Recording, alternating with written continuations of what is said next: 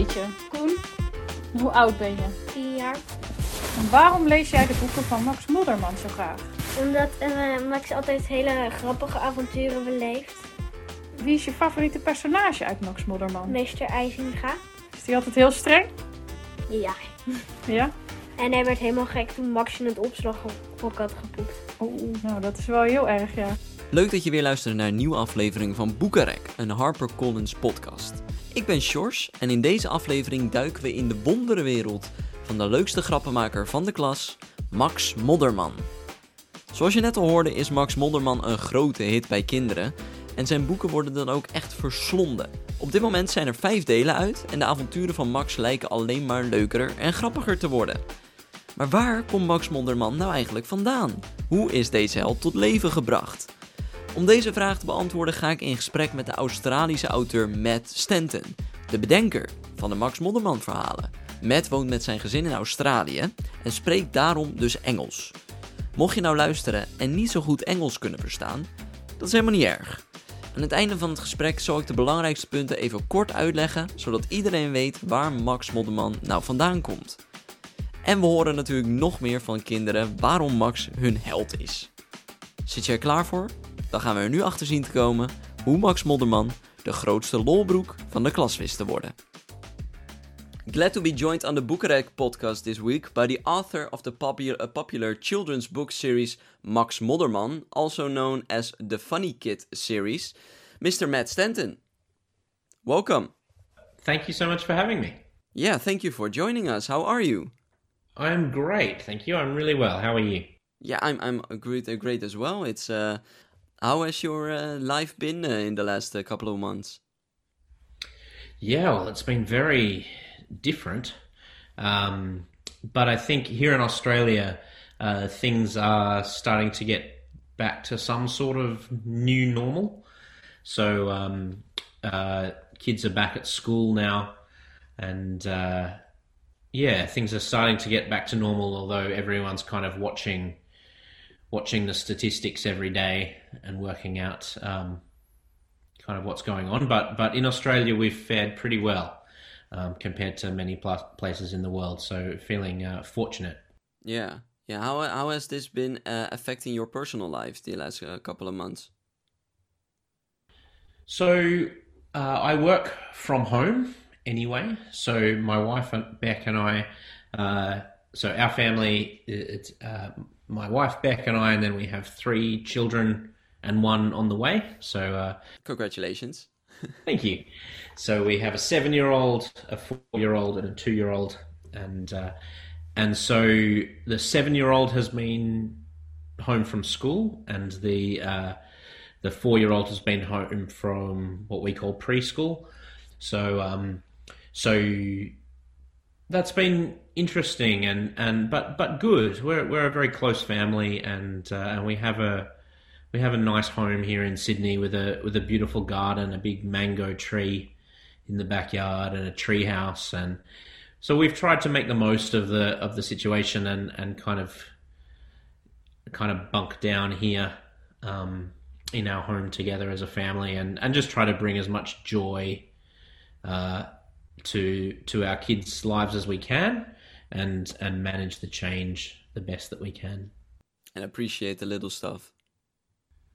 Exactly, exactly. We've been building a vegetable garden, and nice. uh, and and doing that together, and and talking and having lots of questions along the way. So that's been that's been really fun. Yeah, yeah, I can imagine. But for someone who writes funny books, it must have been a hard time to get some inspiration. Sure. Yes, it's been well. It's been a very kind of serious time. That's for sure. Yeah. Um, I've actually found it quite helpful to to escape into the writing process in this season, actually, because because the space that I work in is is often kind of silly and funny and playful. Um, the writing process has been has been a sort of escapism, which has been nice. So uh, so I've still been able to come to work every day and keep doing what I do and and one of the things that I've changed and done differently is that I have started uh, posting a video to YouTube every day. so that I could connect with with the kids that love my books. Uh, and we could talk about things that they could do at home, uh, creative activities, drawing lessons, as well as giving them a kind of behind the scenes look at at the creation of the books. So, uh, so that's been a nice way to connect with kids and to and to kind of build a sense of community while we've all been isolated. Yeah, you're you're doing some uh, YouTube uh, how to draw videos, right? Yeah, so lots of things. So so YouTube kind of how to draw videos, and then for a little while did a thing called Monster Monday, where we would create by drawing our own kind of original monster every Monday. Other things we've done as kind of story starters. So I would give kids the start of a short story, and then they would write it and send it to me, and I'd read it back to the kids on the channel. Uh, and been keeping them up to date with the work that I'm doing, creating their books. I want I wanted a place where kids could come each day and see see kind of what I was doing, kind of stay connected while everything was changing. How could we how could we make some things stay the same? And so the fact that I would turn up on video every day in my studio here in my backyard and uh, and talk about the books and talk about their characters that they like and, and things like that has been a nice way to stay connected. How did they uh, respond to this? Really well. I've had lots of feedback from from kids and from parents uh, who were struggling with kind of homeschooling and and and suddenly lots of families here in Sydney were suddenly kind of working from home and, and also trying to kind of educate their children from home, and uh, and that can be very stressful. And so, uh, so by kind of putting creative activities and things online that that kids could use, uh, it's been helpful. And I know a lot of teachers now use that material in the classroom as well. Oh, that, that that's great. But we'll get back to the the children who read your books. But I want to talk about uh, you as a kid. Did you always want to become a writer? I did ever since I was seven years old.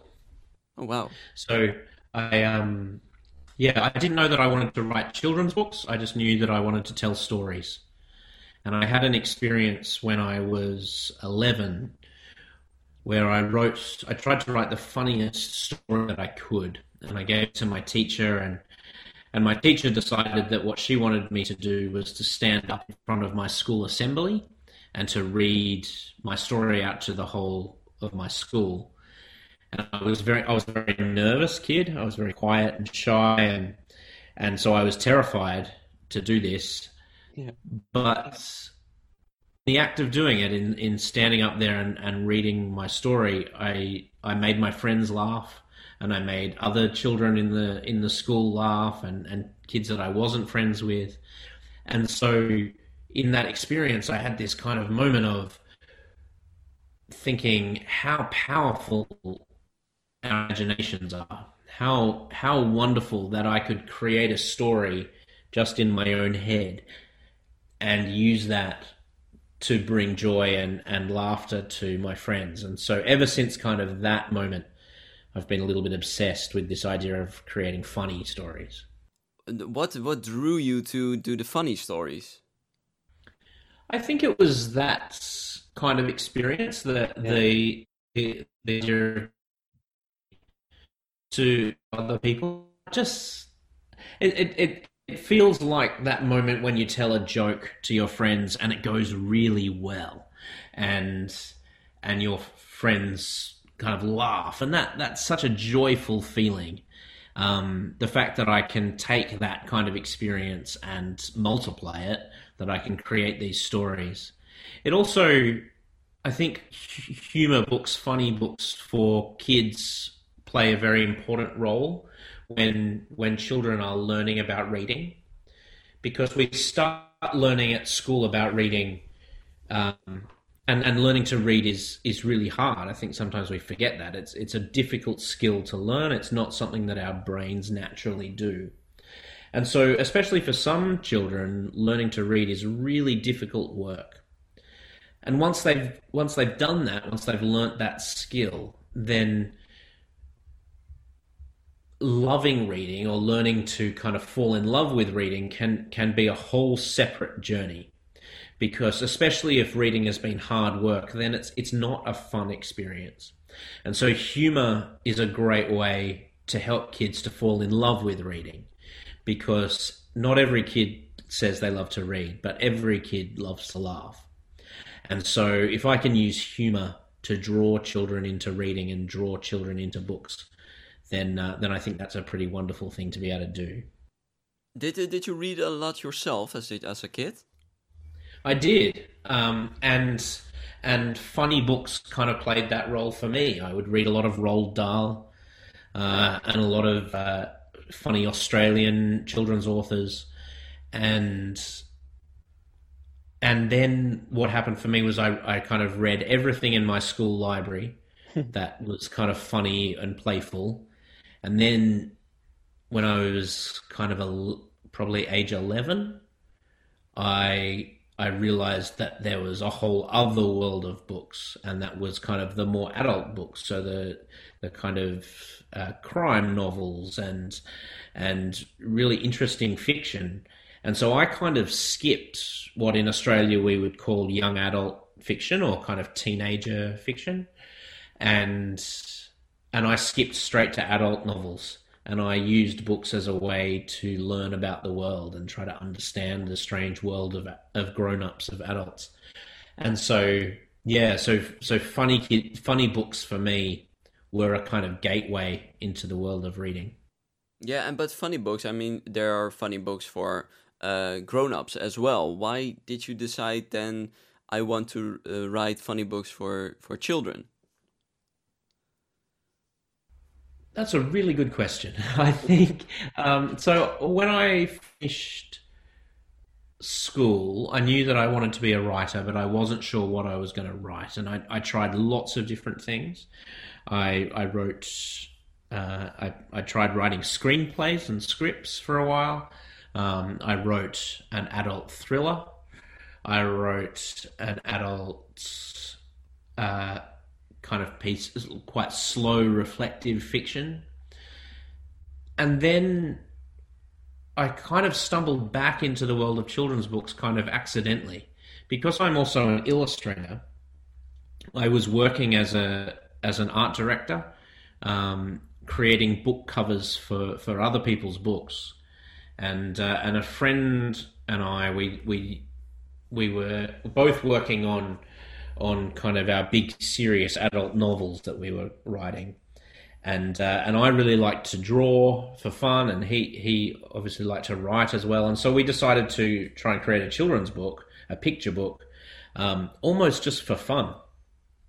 And uh, and when we did that as a kind of antidote to our big kind of heavy fiction, adult fiction that we were writing, I had this realization that I think I've been missing what I'm called to do. I think I've I've kind of missed it. This this, this creating creating books for children is such a wonderful and rich place to to play and place to work and create and and I realized that with with creating books for for sort of primary school age children you really have this opportunity to change their life in a way that is is is different for adults. Often, when you're writing for adults, you're writing for adults who like to read. Uh, they've kind of they've established themselves as readers, um, and they uh, and they enjoy your books because they're looking for books. Um, for me, writing for children, I'm I'm writing for the children who don't like to read. I'm trying to to draw them in and and and engage engage the the kids who are more reluctant. Yeah, I think that that can be easy. I mean, we live in an age with Netflix and smartphones, and uh, I think kids, uh, some kids get a smartphone when they're three or four years old. Um, I've seen, and yeah, what is so appealing then to them to start reading a book? And I think that must be hard for you as a writer.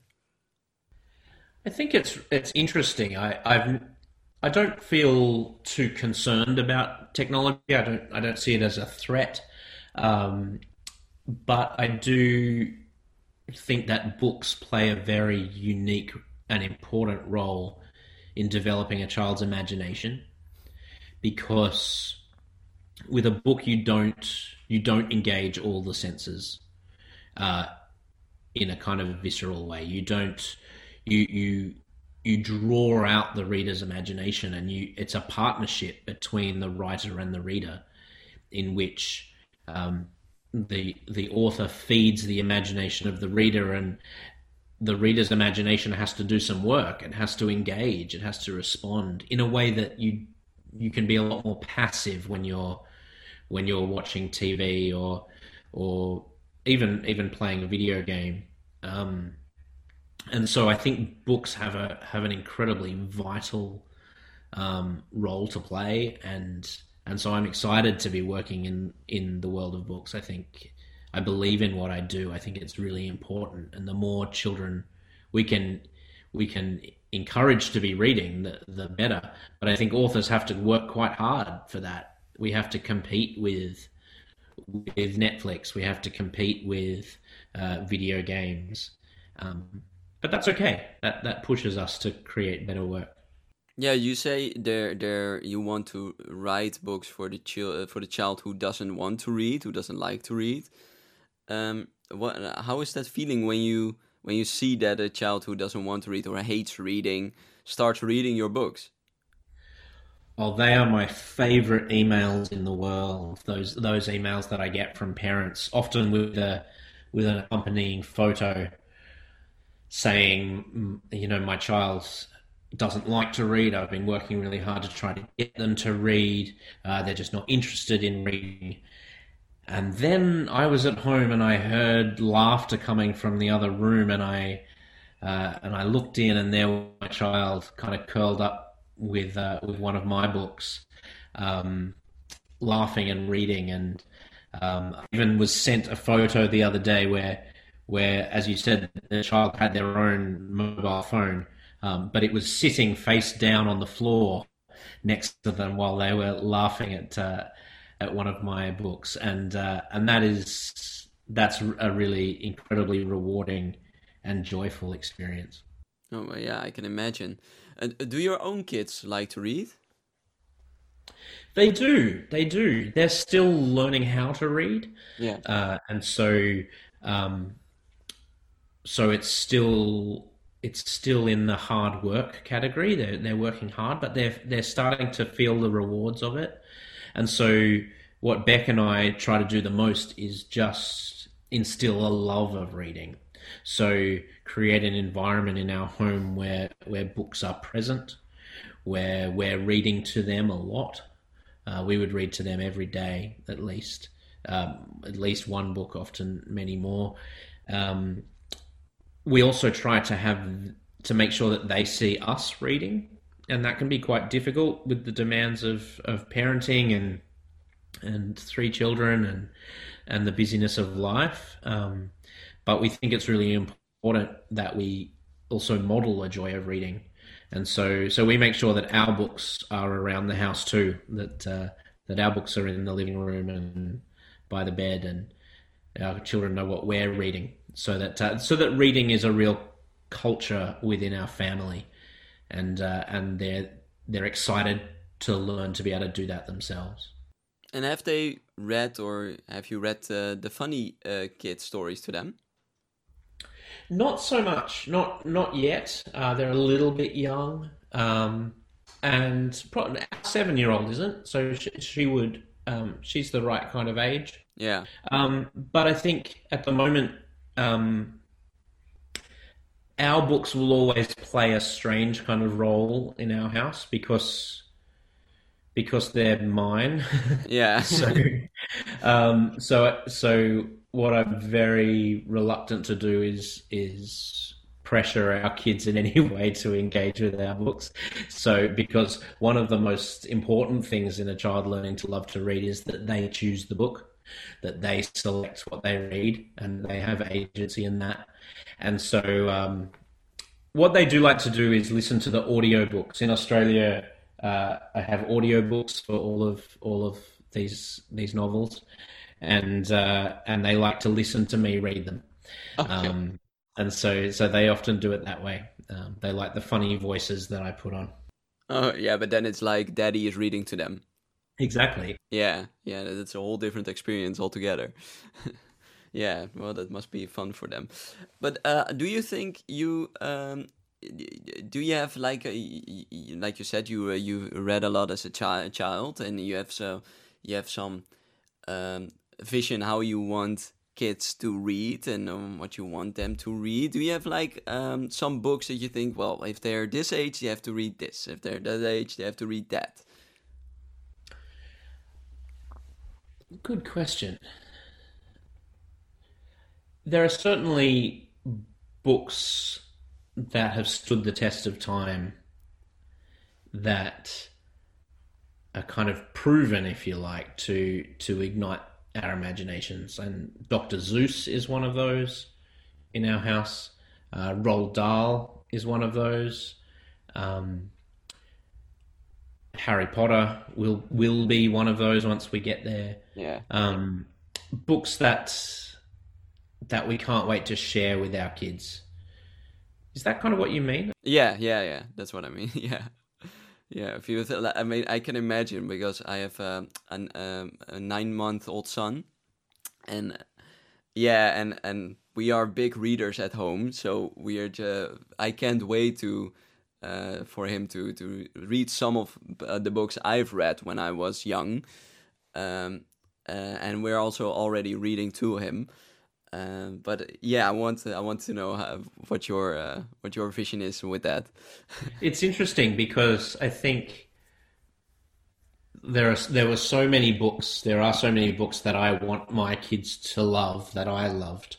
Yeah, and uh, and it's interesting watching them respond to them, and also learning the ones that they naturally respond to.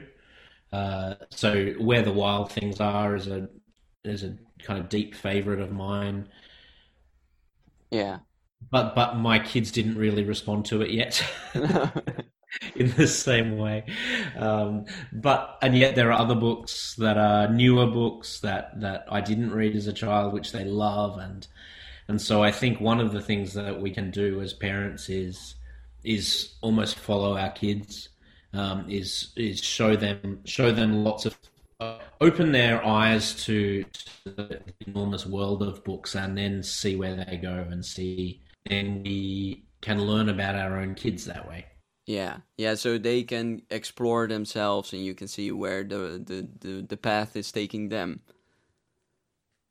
Exactly. I think i think reading is exploring especially for kids yeah uh, for my final question um, you work together with your wife um, for you both publish books. Uh, do you have some kind of uh, mission together that you think this is what we stand for and we want children to to get away from us?